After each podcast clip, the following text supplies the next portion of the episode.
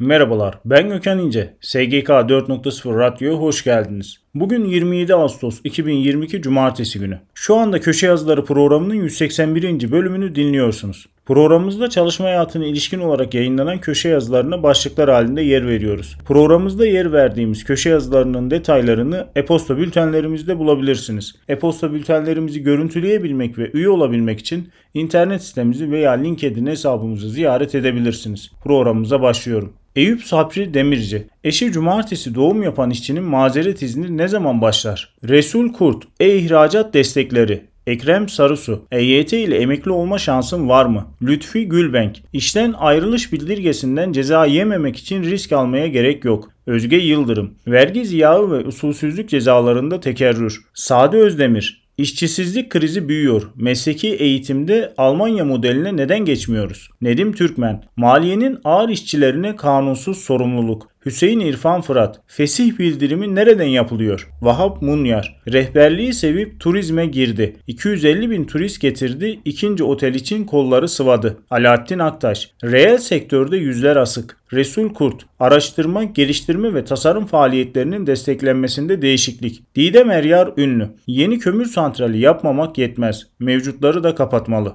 Yasemin Salih, İTÜ Arı Teknokent'ten Amerika'ya filament hattı. Ferit Barış Parlak 500 milyar dolar ihracattan 75 de müteahhitlikten. Vergi portalı. CE'siz ithal ürünüm Tarex'ten geçti. Peki PGD'de ne yapacağım? Usta Şahbaz. Uber batıyor mu? Hüseyin İrfan Fırat. Fesih bildirimi nereden yapılıyor? Hüseyin Kaya.